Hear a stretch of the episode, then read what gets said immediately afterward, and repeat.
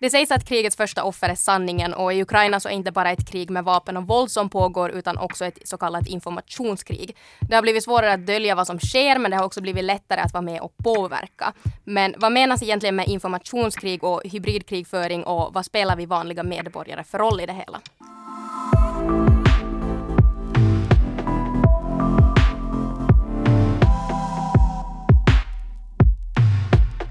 Man kan säga att för hundra år sedan så var krig 90 procent strider och 10 procent propaganda. Och idag så är krig 90 procent propaganda och 10 procent stridande.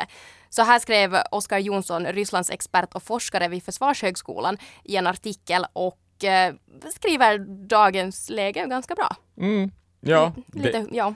det är ju mycket snack om det här. Och liksom, ja, men, och använda sig av propaganda och desinformation och störa kommunikation och infrastruktur och allt det här Ja. på något vis boila ner i ett begrepp som flyger runt supermycket, tycker jag, i nyhetssammanhang, som är hybridkrig, eh, hybridkrigsföring, hybridhot, informationskrig. Det finns många begrepp. Jepp. Så att, eh, inte vet jag, vi ska väl försöka reda ut vad det är för något. Ja, och det, här, det är ju lättare sagt än gjort. Mm. Eh, I alla fall kanske vad man tror. För det, det, det, det finns mycket olika definitioner. Ja, så är det. Alltså, Det verkar som att forskare och, och, och de som borde veta vad hybridkrig är för något, inte riktigt är överens om vad det är. Ja, Frågar man NATO eller amerikanska armén eller något EU-jotto så lär alla ha lite olika nyansskillnader på hur de definierar de här begreppen, vilket ju förbryllar en ännu mera då man ska försöka förklara det. Men, Ja. men, men vi ska ge ett försök Ja. åtminstone. jepp. För it seems to be a thing i alla fall. Det är det ja. Ja. Åtminstone enligt Hanna Smith, hon eh, är forskningschef på något som heter typ, det här är min egen översättning, men Europeiska kunskapscentret för hybridhot, eller Hybrid Co-E, som det heter på engelska. Hon menar att man ska tala om hybridhot. Det är liksom paraplybegreppet. Det som allt det här andra som vi rabblade upp just också som på något vis ryms in under. Sen om man liksom börjar agera på hybridhot så kallar hon det för hybridhotsaktiviteter. Kallar hon det, då. det kan vara ju jätteolika skala. Det kan vara liksom från att eh, sprida desinformation eller fake news som vi talar om så ofta, eller till att direkt eh, liksom agera våldsamt eller använda olika former av militära maktmedel eh, på det viset. Men om man kombinerar olika aktiviteter, att det är mycket som händer på en och samma gång, så då talar man liksom om hybridhotsoperationer. För informationskrig är ju ett annat begrepp då, Ja. som flyger runt Jepp. och så här. Jag bara skrev in i Google vad är ett informationskrig? Okej. Eh, och då kom det upp något så fint som Informationskrigföring är ett koncept som involverar användning och hantering av informations och kommunikationsteknik i stridsutrymme i jakten på en konkurrensfördel gentemot en motståndare. Okej, det var eh, Ja, alltså det var ju, byråkratiskt. no, det var det. Det var en Förklarat. mening jag aldrig vill läsa igen. Nej, jag förstår. Vad ska man nu säga att det handlar om? Det handlar om information. Det har mera information, sprida fel information, Mm. att begränsa information, att förvränga information och så vidare. Ja. Ja, enligt hon den här Hanna Smith som jag snackade med då, den här experten på hybridhot, så i alla fall liksom, oavsett om det är då vad man talar om, mm, jag, jag tänker använda hybridhot för att hon tyckte att det är ett bra begrepp, Eh, men att i alla fall liksom syftet med allt det här så är att på olika sätt störa vårt samhälle. Liksom. Och, och kanske få skapa sprickor i våra demokratiska principer och sånt här. Och att det liksom, men det menar hon ändå att det finns, fast det kan verka råddigt och komplext och liksom, att man kan göra det på så himla många sätt, så finns det ändå en strategisk tanke bakom den här formen av krigsföring antingen vi gör mm, beslut för hastigt eller då blir vi rädda. Och när man är rädd och gör beslut så, så kan det gå fel. Eller eh, det är inte tillräckligt mycket information eller fel information som vi baserar våra beslut på. Så att eh, det är lite sådär kosteffektivt. Att det är liksom billigare att ha troll på internet och, och fucka med, med vad som är rätt och fel istället för att skicka soldater eller pansarvagnar liksom in i ett land. Att det är liksom lägre risk, billigare, men du kan ändå fuck shit up liksom, Ja. på något sätt. Och det är, liksom, det är som att jobba på distans i princip.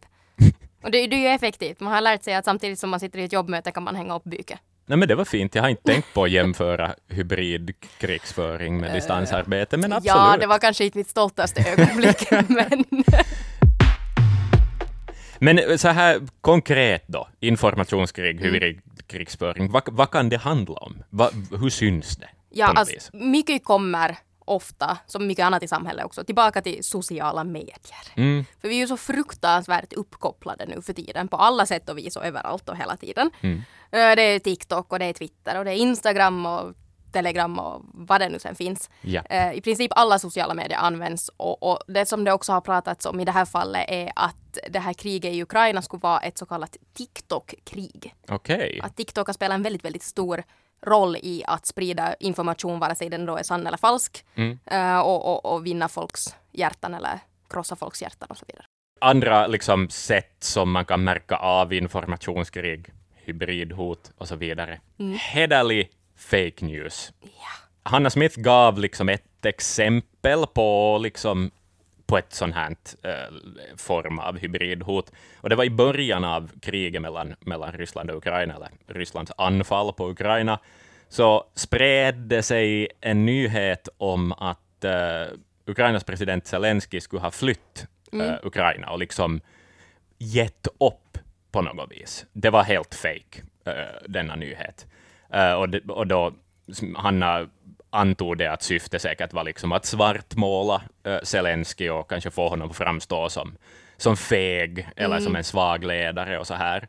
Men, men det här var då, då totalt fake. Vi vet ju att han är, han är kvar i Kiev ännu också Japp. och, och reser omkring i landet. Ja, här kommer ju då också in hur sociala medier har, har spelat roll. För till exempel Ukrainas president Volodymyr Zelensky har ju använt sig massor av sociala medier. Mm. Eh, och till och med hyllats på flera håll för hur han gör det. Just att han, han står där och filmar, talar rakt in i kameran, till, direkt till folket liksom. Ja, som en vloggare liksom nästan. Ja, Ja, exakt. Ja. Lite.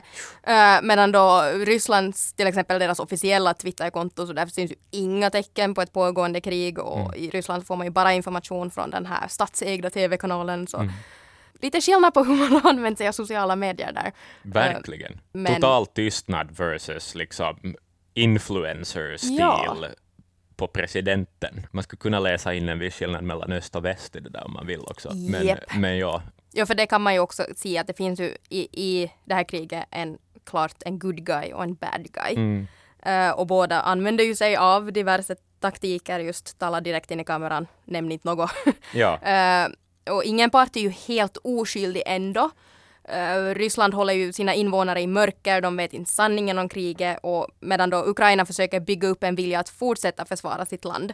Eh, att till exempel så har det ju kommit fram i efterhand att den här videon från Snake Island när de här ukrainska soldaterna skulle ha sagt åt det där ryska fartyget att fuck off, Mm, eh, inte var hel, hela sanningen. just det. Att soldaterna på ön så dog inte då.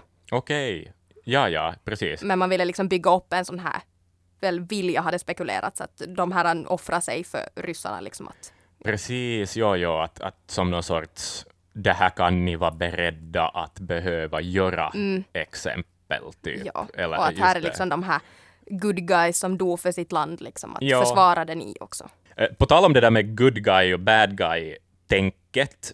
Minns du i början av kriget så var det så här fenomen av att man var inne och skrev eh, på restaurangrecensioner i Mm. Ryssland och skrev om vad som händer i Ukraina.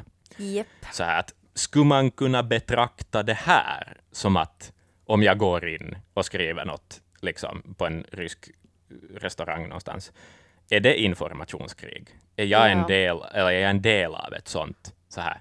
Ehm, men eh, Charlie Savonius Pasternak på Utrikespolitiska institutet, han sa nog åtminstone att han skulle se det som aktivism bara. Hon, Hanna Smith, då, den här andra hybridhotsexperten, så hon påpekar liksom det att eh, det att man är inne och skriver restaurangrecensioner, fejkade restaurangrecensioner, så skulle ju aldrig ha hänt om inte det här kriget skulle ha startat. Att på det viset är det liksom inte att betraktas som krigsföring på det sättet, utan det är ju mer kanske om jag tolkar henne rätt, då, som en reaktion. Ja. Och, och liksom på det För- vis, för man att vill visa göra var man står. gott. Ja, Ja. precis. Det är också ett exempel som nämns då man snackar om hybridhot, är vad som hände 2021 på, den, på gränsen mellan Polen och Vitryssland, eller Belarus, eh, där det mitt i allt var tusentals flyktingar som skulle in i Polen. Men det var liksom flyktingar från Mellanöstern som hade fått komma in, tagits emot av Belarus, och sen bussa liksom bara Lukasjenko och vem det nu var som called the shots uh, iväg de här människorna. Nu får ni fara till EU. Men det fanns inga tillstånd, det fanns ingenting. Så det, det, det blev liksom bara mitt i allt hade de polska myndigheterna en massa arbete uh, vet du, och reda Ja, ut ja. allt det Ja. där. Och liksom tar, vet, de måste ju processas, de här Mm. människorna, på något sätt. Och, och, och så här, liksom, det, det ska göras en byråkratisk stig för dem att gå på och allt möjligt. Och det blir en massa ansvar och massa byråkrati för de här myndigheterna att sköta och kan liksom på det viset skapa en orolig situation eller en instabil Ja. situation på olika sätt. Så det, är också, det kan också vara en metod att använda som Mm. hybridkrig, vilket ju är Tänk på de här flyktingarna. Liksom. Ja, att man bara utnyttjar människor på Ja, det ja, sättet. alltså det är ju så otroligt ondskefullt. Japp. Alltså, ja. Nej, men det är, vad fan, de har kommit från någon krigszon och så blir de bara några spelpjäser. Liksom. Nej, helt absurt. Helt absurt. Okej, men om vi går en pico pico liten stund bort från Ukraina och Ryssland, Mm. så finns det nu, när man pratar om hybridhot, finns det någon form av hot mot Finland i, i den här stunden? Mm. Man skulle ju kunna tänka sig det, eh, i och med att vi vet vad Ryssland tycker om NATO. Japp. Och vad är det vi diskuterar i Finland och Sverige just nu? NATO. Jo, precis, exakt. Vi ska med i NATO, tycker man. Eh, Det är väl på gång eh, ganska långt. Så här, ännu är inte politikerna helt överens, men, men det där, sånt är på gång. Hanna Smith, eh, hon menar nog att man liksom har registrerat vad hon kallar för lågtempoaktivitet. Också superkryptiskt. Jag tänkte säga att det låter som jag på gymnastiken. Exakt. Där registrerades lågtempoaktiviteten också. Precis. Ja, men att det har pågått och det kommer att fortsätta att hända. Eh, hon säger att man hade väntat sig mer, men eh, Smith hon, hon liksom tolkade som att Ryssland har sina resurser i Ukraina. Men sen när jag snackade med, med Charlie, då, eh, så han menar att han verkar inte särskilt orolig över de, de här hybridhotaktiviteterna som då Eh, kan tänkas pågå just nu, på det viset att, att, att han tänker att Kreml på det sättet inte skulle lyckas påverka vår opinion om NATO-medlemskapet i alla fall. Uh, om man nu tänker på Finland, tror någon faktiskt att en informationskampanj skulle få finska politiska beslutsfattare eller folket att ändra sin åsikt eller riktningen vi går gällande NATO-medlemskap? Absolut inte, och inte skulle heller någon cyberangrepp som skulle stänga elen i Helsingfors för två timmar göra det. Att om man faktiskt tror och vill försöka liksom förstöra möjligheten för Finland att gå in med i NATO, så nu kräver det ju militära maktmedel. Mycket av dem, och säkert hot med kärnvapen och det här, att man kan paketera alla de här andra inte-militära saker som hybrid, men de kan man använda för att vara störande. Vi har inte hemskt många exempel på var man kan använda dem så att man får en genuin stor förändring i ett lands politik.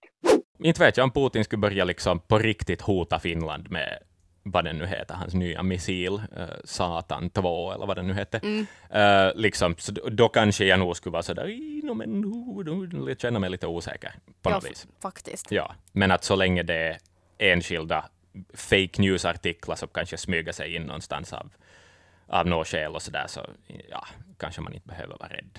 Jag talar faktiskt med, med Charlie om det också. Jag försöker bara så här måla upp skräckscenarion för honom och se hur han svarar på det.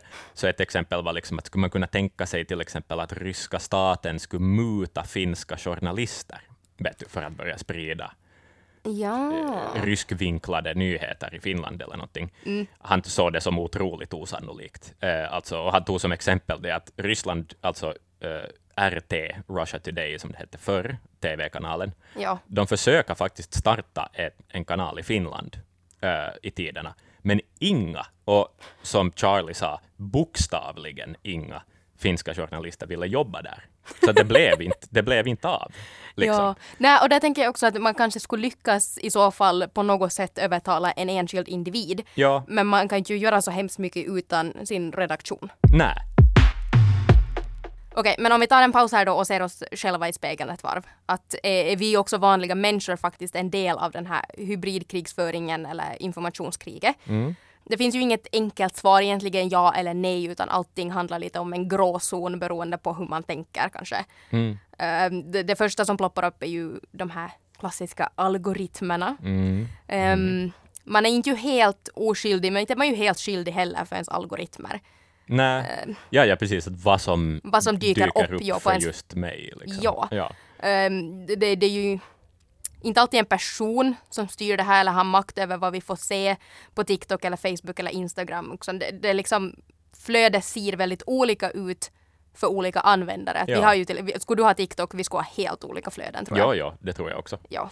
Eh, Så, så det beror, men där är det ju också att man styr ju själv lite beroende på vad man klickar och gillar så blir ju ens flöde och ser ut på ett visst sätt. Ja, ja precis. Eh, Så att det kan ju nog spela en viss roll i det här Ja, ja, informationskriget. exakt. Så att om jag är en människa som går på mycket too good to be true innehåll om Mm. kriget till exempel, så skulle jag lätt kunna få en sån feed som är ganska fylld av potentiellt fejkade grejer eller vink- kraftigt vinklade saker. Sådär. Ja. ja, Precis. precis. Ja. Ehm, och sen en annan sak som inte man heller kommer bort från är de här bottarna. En form av datorprogram Mm. som kan stå för likes och delningar eh, och få, få ett visst inlägg eller en nyhet eller någonting att se väldigt populärt ut. Just det. Precis, Vilket ja. gör att vi också tittar på det vi följer, där vi tar in informationen. Ja, men det är inte riktiga människor som har delat allting eller like allting, utan det är liksom Det, det, bottar. Jepp, precis. Ja, okej. Eh, till exempel ett konto som publicerar ett inlägg som är falskt. Mm. Så sen kommer de här bottarna dit då och gillar och kommenta- kommenterar och delar och så vidare. Mm. Vi, vi tycker att åh, det här är något vi också ska ta del av.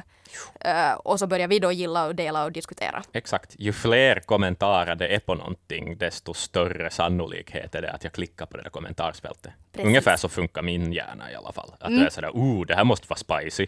Nu vill jag slå mig själv på käften några gånger och läsa åsikter jag inte alls vill höra. Eh, vi vet hur man funkar. eller hur? Ja. Det är fram med popcornen. Ja, exakt. Yes. Och sen såklart, inte att glömma trollfabrikerna. Eh, det, det pratades mycket förr i alla fall om de här ryska trollfabrikerna. Ja. Det satt just unga anställda som hade olika fejkkonton som de styrde, att de kunde låtsas vara till exempel bloggar eller till och med en influencers. Mm. Eh, och en av de mest aktiva trollfabrikerna som har hållit mycket på med Ukraina genom åren. För Okej. Vi ska inte glömma att det här har pågått sedan 2014. Nope. Eh, och det verkar nu då också vara igång och man tror, obs tror, att den ägs av en av Putins närmaste män. Mhm, Precis, ja. Jo, jo. Och här skulle man ju kunna komma in på, men det är nästan liksom det är en diskussion i sig. Ja. Men Rysslands inblandning i det amerikanska presidentvalet, Japp. då mellan Clinton och Trump, var ju tyngt av eh, sånt här. Och Mm. liksom ryska statliga meme-apparaten som var i, i, liksom, Ja. i farten.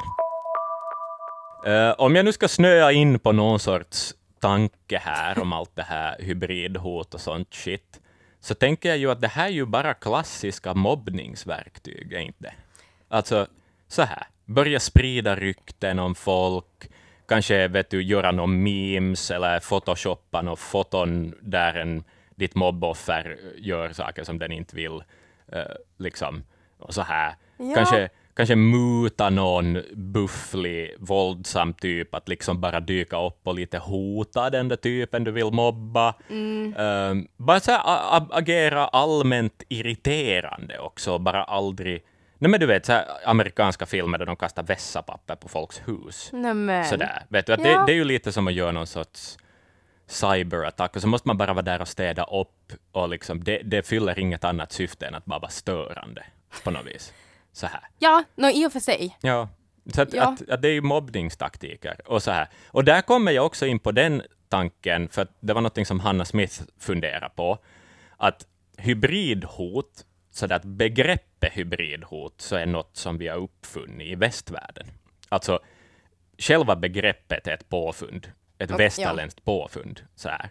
Och hon menar också att man liksom kan argumentera så att hybridhot det, det talas bara om hybridhot då det är ett auktoritärt land som försöker påverka ett demokratiskt land. Men det kan inte funka andra vägen. Jaha. Hon, hon funderar i dessa banor på det sättet. Ryssland, hon menar liksom att Ryssland då till exempel skulle använda begrepp som kanske politiskt krig eller någonting i den stilen, men att just det här med hybridhot är liksom väldigt västerländskt. Men då tänker jag tillbaka till den här mobbargrejen då, att om du som mobbas, så du är ju liksom en, en demokrati, så här snäll och mm. godtrogen och ser det fina i människor på något vis. Och sen utnyttjas de principerna av den där auktoritära idioten som mobbar dig på något vis. Vänder de styrkorna till, till liksom nackdelar på något vis. Ja. Så att, eh, ja, och också om du väljer att kriga tillbaks, du som är mobboffer, på något vis, och, och kanske försöka informera den där Dajons innersta krets om vilken idiot den är, så då kan man inte heller liksom betrakta det som hybridkrig, utan det är ju bara försvar, försvar ja, på något ja. vis. Ja. Det här var veckans avsnitt av Fatta grejen med mig Laura och Axel. Tack för att du lyssnar och om du har kommentarer om avsnittet så får du jättegärna höra av dig till Axel. Axel.brink.yle.fi Okej, okay, ja, ja. yes. Eh, eller sen till mig på laura.tornros.yle.fi. Eh, du hittar oss också på Instagram under namnet Yle Extrem Nyheter.